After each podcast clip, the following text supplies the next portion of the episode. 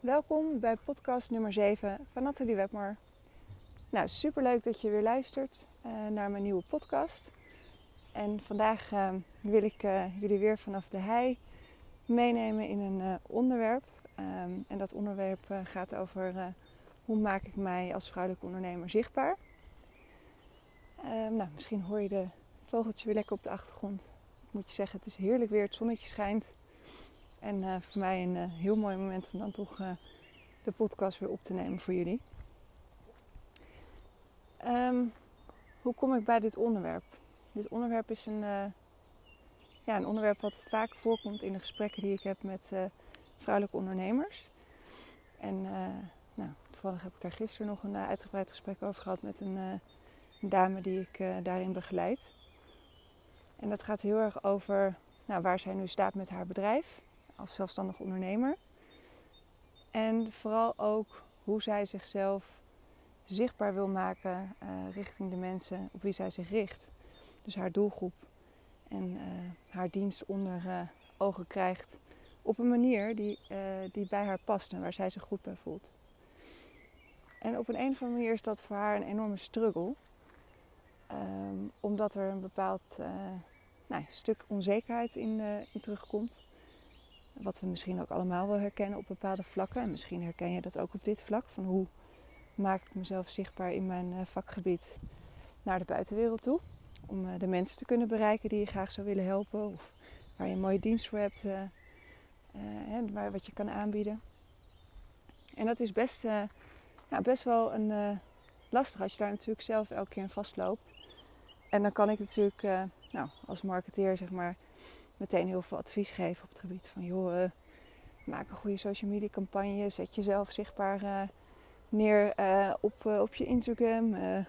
nou, hè, ga kijken of je een goed blog kan schrijven, zet je website, deel die iets anders in, ehm, ga kijken naar je SEO-pages. Genoeg hè, tactieken die ik je allemaal kan gaan geven, of tips die daarin nou, zo in een lijstje gegeven kunnen worden. Maar zo gaat het bij mij dus niet. Tuurlijk uh, zullen er absoluut onderdelen zijn die in zo'n lijstje dan ja, meegaan in zo'n antwoord. Maar het gaat mij dus heel erg om jou. En dat ging dus bij haar ook.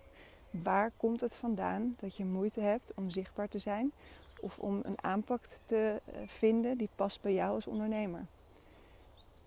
En um, nou ja, om een lang verhaal kort te maken voor in dit geval wel... Um, kwam er heel erg duidelijk naar voren dat er natuurlijk een shift gemaakt uh, ja, moet worden in haar mindset. Want ze loopt gewoon heel erg vast in het stukje angst uh, van wat de verwachting is. Uh, of ze daar wel aan kan voldoen. Uh, of ze niet een flater slaat als ze zichzelf neerzet. Dat sommige mensen vanuit haar ja, business die ze jaren geleden heeft gehad. Of nog in dienst was bij reclamebureaus. Of dat niet enorme, ja, soort van dat ze herkend werd en dat ze dan zei van nou wat is die nou weer aan het doen echt typische gedachten die haar gewoon ja, enorm naar beneden halen. En het dus eigenlijk ook voor elkaar krijgen dat ze het uiteindelijk niet gaat doen. Dat ze er te veel over na gaat denken. En door te veel over iets na te gaan denken, ga je het vaak niet doen in plaats van wel doen. En de vraag die daar natuurlijk bij mij heel erg opkwam is: nou, wat is dan het ergste wat jou overkomt op het moment dat je dat wel doet hè, en, en het gewoon gaat ervaren? Daaruit kwam natuurlijk het antwoord dat ze, ja, dat ze dan toch voor gek staat. En dat mensen haar niet meer serieus nemen. Dat er dus daarom dus geen werk meer uit voortkomt. En dat mensen haar misschien gaan afwijzen. Uh, ja, dat het niet goed genoeg is. Dat de kwaliteit niet voldoende is. Dat ze misschien uh, ja, wel gezien wordt als een, uh, nou ja, een dame die, die haar succes wel heeft gehad. Maar niet meer kan krijgen nu. Etcetera. Nou, je hoort het al. De doem fase die uh, dient zich dan enorm aan. En het probleem daarvan is dat als je daarin gaat geloven en dat gaat ja, meenemen als de waarheid, dat er natuurlijk een hele kleine kans bestaat dat er een verandering optreedt. En dat, dan kan ik zeg maar haar het advies wel geven. Van joh, zet gewoon een goede social media campagne aan. Uh, maak een paar goede blogs. Uh, misschien wel een uh, videootje Zet een goede story op Instagram. Nou, we weten, er zijn zoveel mogelijkheden op dit moment. Um, maar dat werkt dan niet. Want dan ga je het doen vanuit de verkramping. En die verkramping zorgt er niet. Ja, die zorgt er eigenlijk voor dat het ten eerste niet een authentiek verhaal is. Want het is niet, mensen prikken er doorheen. Ze voelen dat het niet past bij jou misschien als ondernemer. Dus zal je geloofwaardigheid inderdaad afnemen. En de allerbelangrijkste reden vind ik nog wel. Je geniet niet van de manier waarop je het doet. En als er één ding is wat ik belangrijk vind, is het wel dat als je hebt gekozen voor het zelfstandig ondernemerschap, dan wil je er uiteraard een groot succes van maken. Want je wil gewoon je geld verdienen, maar je wil ook gewoon, je hebt een doel, je hebt een, een missie, een, uh, een why-factor waarom jij doet wat je doet.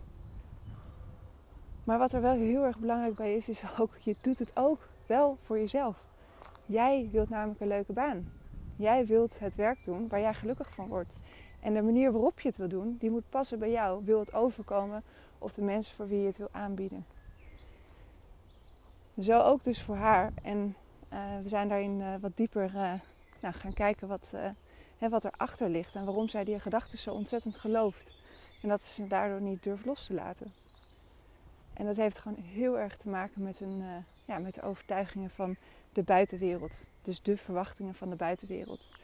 Waar zij, ja, die zij zo hoog neerzet dat ze zichzelf eronder plaatst en het daardoor dus gewoon niet meer doet. Wat, um, nou, daar is natuurlijk wel hè, een, bepaald gesprek uh, tot, dan, tot stand gekomen met uh, wel meer vragen dan wat ik nu even kort vertel. Maar de conclusie, om die ehm, dan toch ook al wat sneller te geven, is dat er maar één oplossing is. en dat is echt je gedachten overboord te gooien, ze niet te geloven en voor jezelf te gaan staan. Van waar sta ik voor? En daarin te gaan geloven. Het voelen. Niet alleen zeggen, niet alleen in een gedachte gaan van ik eh, vind dat ik goed ben in. Nee, ga het echt voelen. En dat is waar het over gaat. En als dat lukt, dan um, nou, begint er een shift plaats te vinden. Want je moet uit je hoofd. Je hoofd is zeg maar die kan je echt de meest mooie verhalen blijven vertellen. En je kan van het ene verhaal in het andere verhaal stappen. En het verhaal kan groter worden. Het kan heftiger worden. Het kan angstiger worden. Het kan een dagmerrie worden, zoals iemand het laatst zo mooi zijn, in plaats van een nachtmerrie. Ik vond het echt een fantastische uitspraak. Het is jouw eigen dagmerrie waar je dan in belandt. En dat je dat um, toelaat, dat is natuurlijk iets wat onbewust gebeurt. Hè? Want laten we niet zeggen dat je het allemaal op jezelf af, afroept. Ik bedoel, het onderbewuste is, uh, zoals het uh, wetenschappelijk is bewezen, 95% van alles wat je, uh, wat, er, ja, wat je denkt gebeurt onbewust. Het is niet dat je alles zelf aanstuurt en dat het vanuit de wilskracht is om zo te gaan denken. Maar gelukkig zijn we wel ertoe in staat om zelf te besluiten wat je ermee doet. En um, dat besef kan, je, kan het al heel krachtig maken. Dat je denkt van hé, hey, ik bepaal of ik deze gedachte wel of niet geloof. En of ik erin in meega. Of ik het laat bepalen of ik wel of niet met mijn gezicht op social media beland. En dat ik er gewoon voor ga staan waarom ik, waarom ik dit vak heb gekozen en waarom ik er goed in ben. En um, nou, noem het maar op. En of het nou uiteindelijk de vraag is dat zij met haar gezicht op social media moet komen, dat is gewoon iets wat een, hè, wat een andere vraagstelling is. Want daar hebben wij het dan ook weer een ander gesprek over. En dan gaat het meer in op hè, hoe wij haar marketing uh, kunnen neerzetten. En met een gericht uh, plan waarin we de tactieken die daar van toepassing zijn bespreken. En daar dus gewoon een, uh, een actie van kunnen maken. Maar waarom ik het gewoon eventjes wilde benoemen in deze podcast, en die wilde ik ook verder niet super lang maken, is dat ik denk dat er gewoon heel veel vrouwelijke ondernemers zich herkennen in dat er vaak heel veel van de buitenwereld wordt verwacht en dat er heel veel angst ontstaat, waardoor je ook heel veel dingen niet doet. En um, het is niet erg als je dingen niet doet, maar laat het dan wel zo zijn dat het vanuit jezelf een besluit is om het niet te doen. En dat het niet iets is wat bepaald wordt door belemmerende gedachten, die er uiteindelijk voor zorgen dat jij gewoon er niet voor gaat staan. Want zelfstandig ondernemerschap is wel iets wat gepaard gaat met kwetsbaarheid. Je zal, uh, zeker als je een bepaalde dienst aanbiedt, dan gaat het wel echt om jou. Dus daar ben je dus ook wel een kwetsbaar hè, uh, persoon. die daarin wel aan zet is. En, maar hoe mooi is het als we in deze tijd, hè, ik zeg ook wel eens die, uh, ja, de wereld waarin alles met technologie en, nou, weet je, we zijn allemaal natuurlijk gefixeerd op, uh, op onze telefoon, op het internet. En dat is echt, ja, gewoon prima, want het is een hartstikke mooie manier om uh, snel en mooi in contact met mensen te zijn. Maar juist dat persoonlijke proces hè, van ook jou als ondernemer bijvoorbeeld, dat je hierin vast kan lopen, dat kan alleen maar iets heel krachtigs worden eigenlijk. Om bij wijze van spreken dat ook te delen met je volgers. In plaats van dat het altijd het verhaal is van kijk mij het succes hebben. Want niet, succes is niet van de een op de andere dag zeg maar dat dat ontstaat. Dat is iets wat groeit. Dat is iets waar je je tijd in stopt. Waarin je met jezelf een ja, uitdaging moet aangaan. Want die zullen we allemaal op ons pad krijgen. Of het nou in je privéleven is of op het zakelijk gebied. Het kruist elkaar en het zal altijd op je pad komen. Want het is niet alleen maar makkelijk. En wees daar blij in. Blij om. Want um, het maakt je zo sterk. Um, nou, nog even kort terug naar deze dame.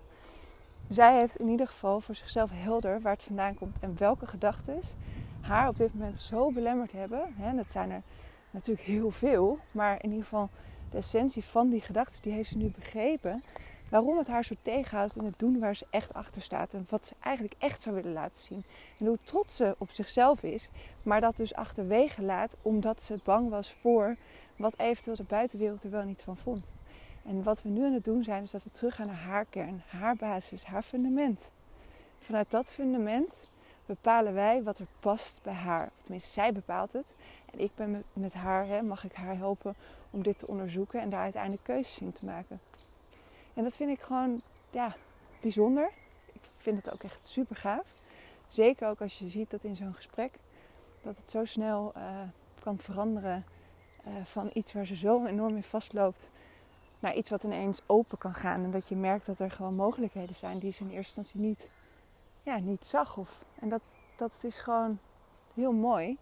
En uiteindelijk liggen die antwoorden ook in haar. Hè? Dus het is niet zo dat ik het op een uh, dienblaadje kom uh, presenteren en zeg van nou, luister eens, dit is er aan de hand en zo los je het op. Nee, het is een, een hele mooie synergie die er ontstaat. Waarin de oplossingen voor zichzelf uh, naar boven drijven. En ja, ik vind het super gaaf. Dus ja, kort gezegd was dit een, een onderwerp wat ik daarom wilde delen met jullie. En ik uh, nou, hoop zeker voor de dames die zich hierin herkennen, dat ze hier ook wat aan hebben. Dus dat ze hier ook bij zichzelf kunnen nagaan. Goh, wat gebeurt er eigenlijk in mij waardoor ik hier zo mee struggle of waardoor ik hier zo in vastloop. En ehm, nou, mocht je daar echt niet uitkomen, kijk, dan vind ik het natuurlijk ook super leuk om jou daar dan in te helpen. En misschien met jou dat pad te mogen bewandelen. Letterlijk, want ik bewandel heel veel paden met elkaar in de natuur. En dat helpt ook enorm om ja, wat vastzit weer los te krijgen. Um, dus um, schroom dan zeker niet om contact met me op te nemen. voor nu was dit eventjes een, de podcast voor vandaag. En um, ik hoop dat het je heeft geïnspireerd en dat je het fijn vindt om er naar te luisteren. Nou, bij vragen, je kan altijd een mailtje sturen naar hallo.nataliewebmar.nl of even kijken op mijn website. En je kan me uiteraard ook volgen op social media. Dus kijk gerust eventjes rond en uh, als je toch wat wil weten, dan kan je me gewoon bereiken. Nou, tot heel snel weer. Weer een nieuwe podcast. Zodra ik weer de inspiratie voel om iets te gaan delen, zou ik dat zeker doen. Dus tot snel. Bye.